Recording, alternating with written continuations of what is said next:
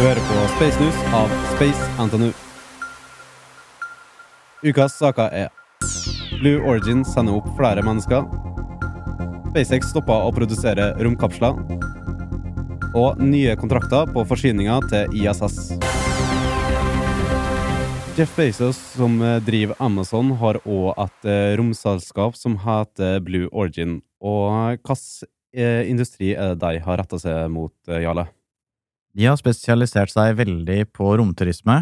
Da spesielt det som heter suborbital, eller på en måte du flyr ca. 100 km brukbart rett opp, og så har du da på en måte vært over det som heter Carmen Line. Du har kommet inn i space, og dette har nå Jeff Bezos begynt å selge som en opplevelse, hvor du får komme til verdensrommet på en relativt lettvint måte, til også forholdsvis greie priser, da, i forhold til det en sånn større romtur egentlig ville kosta.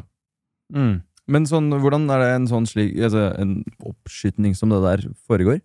Du kan komme nesten på på samme høyde med jagerfly, så det enkelte jagerfly som på måte har klart å krysse den Carmen Line ved å ta veldig mye fart og komme veldig langt opp. Men det de gjør her, er at de har en veldig forholdsvis liten rakett, sett i rakettstørrelser. Og på den så har de en liten kapsel, og så fyrer de opp den raketten som flyr rett opp. Og så, etter da ca. to minutter, så um, detter den kapselen av, og boosteren detter rett ned igjen, og så lander de den. Og den kapselen vil da et par hundre meter også lenger unna lande etter en ca. ti minutter. Mm. Men er det Må du ha typen astronaut eller pilot der, eller er det kun kan være hvem som helst som sitter på det? Kan være hvem som helst, så nå har eh, Jeff Bezos tidligere skutt opp eh, både gamle filmhelter og eh, gamle folk fra romprogrammene, Mm.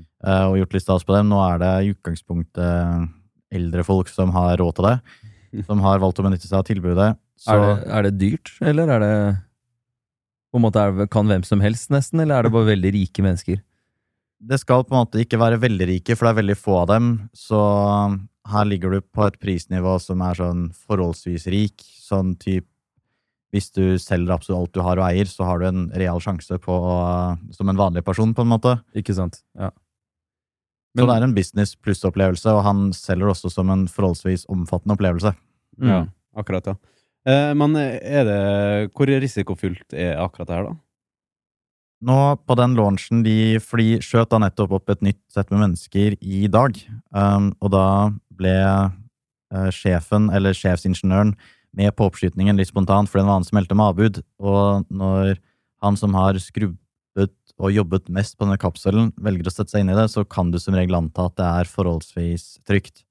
Romfart vet du aldri om er helt trygt, men de har testa den kapselen ganske mye tidligere, og hele raketten og hele systemet også. Og når de nå sender opp mennesker helt uten på en måte piloter og mye kurs, så skal det se veldig trygt ut som en type normal flyvning med småfly. Mm. Ja, men det er, jo, det er jo litt kult å høre, da, at det ikke bare er eh, SpaceX som, som jobber på. Eh, men er det noen andre prosjekter til eh, Blue Origin som de jobber på parallelt der, da, eller? eh? Ja, det som er veldig spennende med dette prosjektet her, er at de tar boosteren og lander den autonomt med sensorer som skal være de samme sensorene de har tenkt å bruke på månelandere. Så allerede nå så tester de hardware og software for å lande på månen med mye av de samme rakettmotorene og systemene de også har tenkt til å bruke for interplanetarisk reise. Så de prøver jo nå på en måte også å lande seg og la, lande boostere for den neste raketten sin og teste mye av de samme rakettdelene.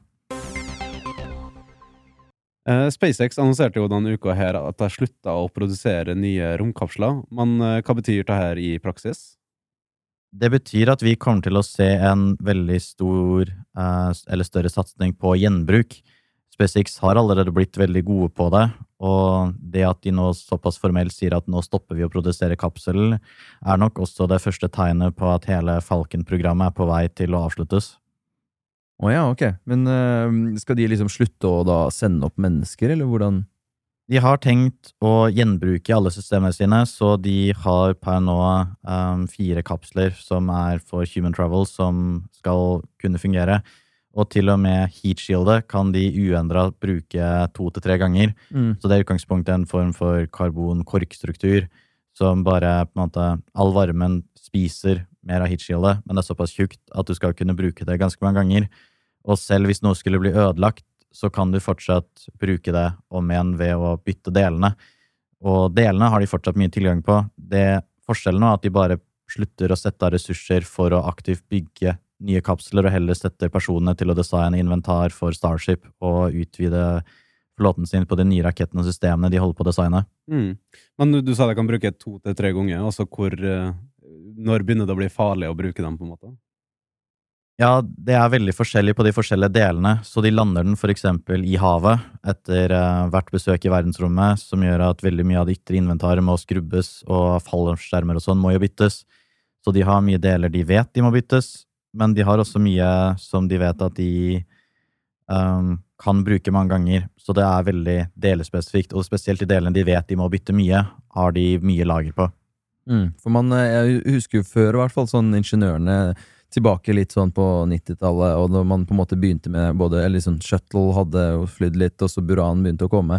Da var man jo på en måte veldig usikre på hvor mange ganger det kan brukes før det liksom faktisk går galt. da. Eh, så det har vært mye, så, så nå begynner man å, og SpaceX liksom begynner å si at det faktisk er mulig, eller brukbart, da, å sende de såpass mange ganger. Ja, spesielt fordi, som du påpeker, så hadde man ikke noe erfaring. Man visste ikke hvor mye noe kunne brukes om igjen. Men i det at man faktisk begynner å bruke det mange ganger, så ser du at ok, den delen her, den blir fort slitt. Hvis vi designer den litt annerledes, så ser vi at den blir kanskje ikke slitt i det hele tatt.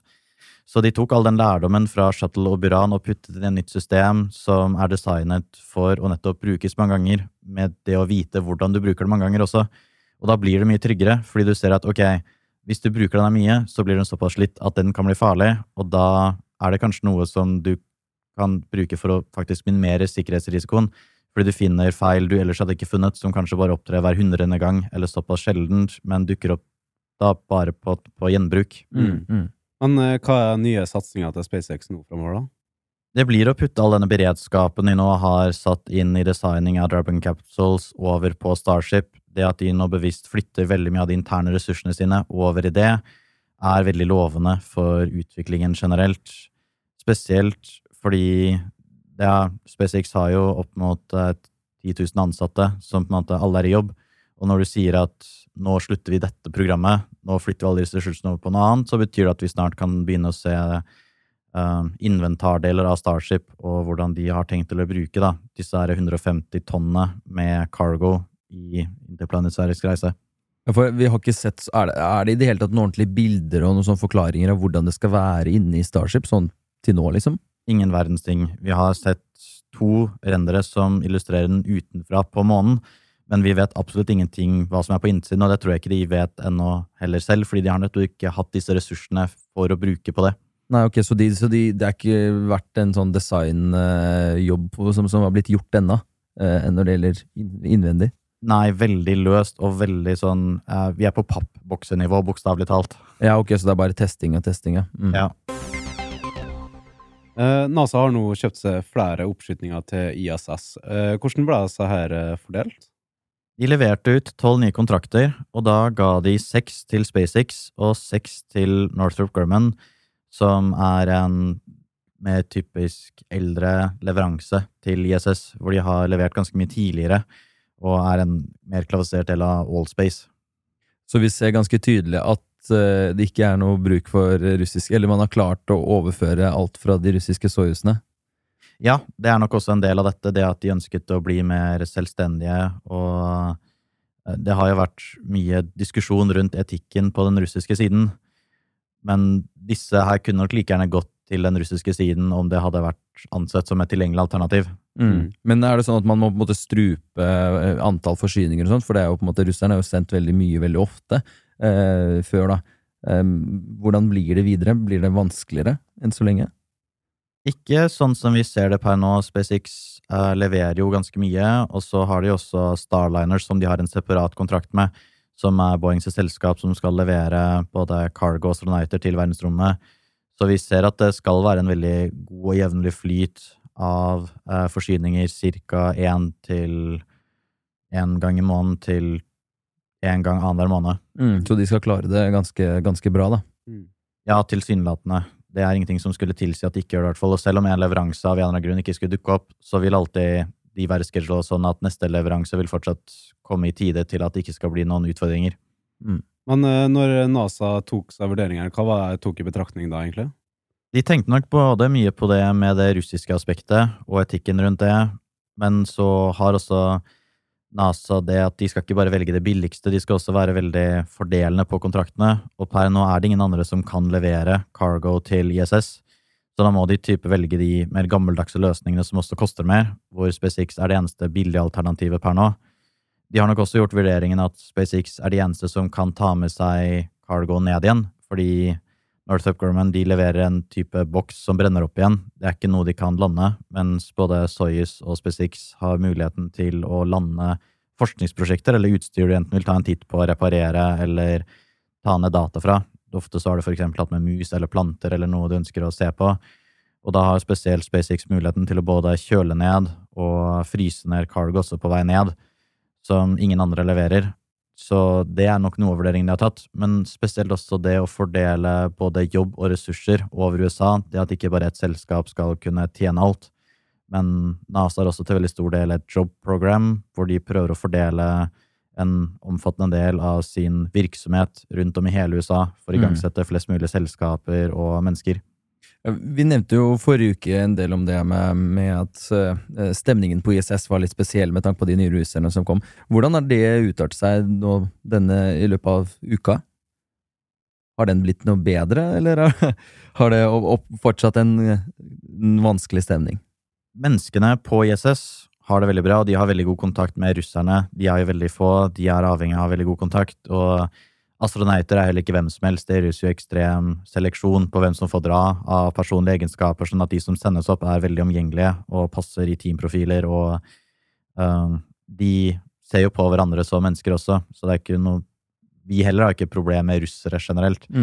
Um, men man ser fortsatt det er en stor utfordring med NASA opp mot Rokosmos og hele um, administrasjonen av programmer på sikt, hvor de fortsatt er enige om på en måte, driften her og nå, og forsyningene og at de skal ha mat, men man ser at det står veldig stille i diskusjonen om videre samarbeid. Mm. Hvor lenge tror du at uh, ISS skal opprett, altså opprettholdes, egentlig? Nå er den jo godt over 20 år, og de har lenge sagt ok, 2024 er siste tallet, 2026 Siste nå var 2028 til 2030. Jeg tror det vi kommer til å se ganske snart, er et type privat oppkjøp, hvor du sender opp en ny um, enhet til ISS, type nye boarealer, og så vil du fortsatt kunne bruke mye av strømmen og installasjonene på ISS, men at du begynner å dele det litt opp, og veldig mye av det er veldig gammelt og holder på å slå sprekker, spesielt russerne har slitt mye med at de Mm. uh, har hatt utfordringer med noen uheldige meteoritter. Så man ser man også av et sånt renslig og perspektiv, det er ikke så lett å vaske der oppe. Nei, det kan jeg se. Men eh, de tolv kontraktene, er det tolv oppskytninger, og hvor, over hvor lang tid er det det er snakk om? De kan vare helt til 2026. Um, de går litt etter behov, og så schedules de gjerne litt etter hvert som du ser at det er behov. Det kommer gjerne an på hvem andre du skal sende opp. Plutselig så er det eksempel turister som skal sendes opp, og da kan NASA se at det er behov for å sende opp betydelig mer mat hvis de skal være der over en lengre tid. Eksempel Tom Cruise er satt for å skytes opp til neste år. Såpass, ja. Ja, for å spille inn en film. Um, så det er noe fleksibilitet, men potensielt helt til 2026. Du hørte på Space News med Erlend Sandblåst, Alexi Gusev og Jarle Steinberg. Kom tilbake igjen neste uke for nye Space-oppdateringer.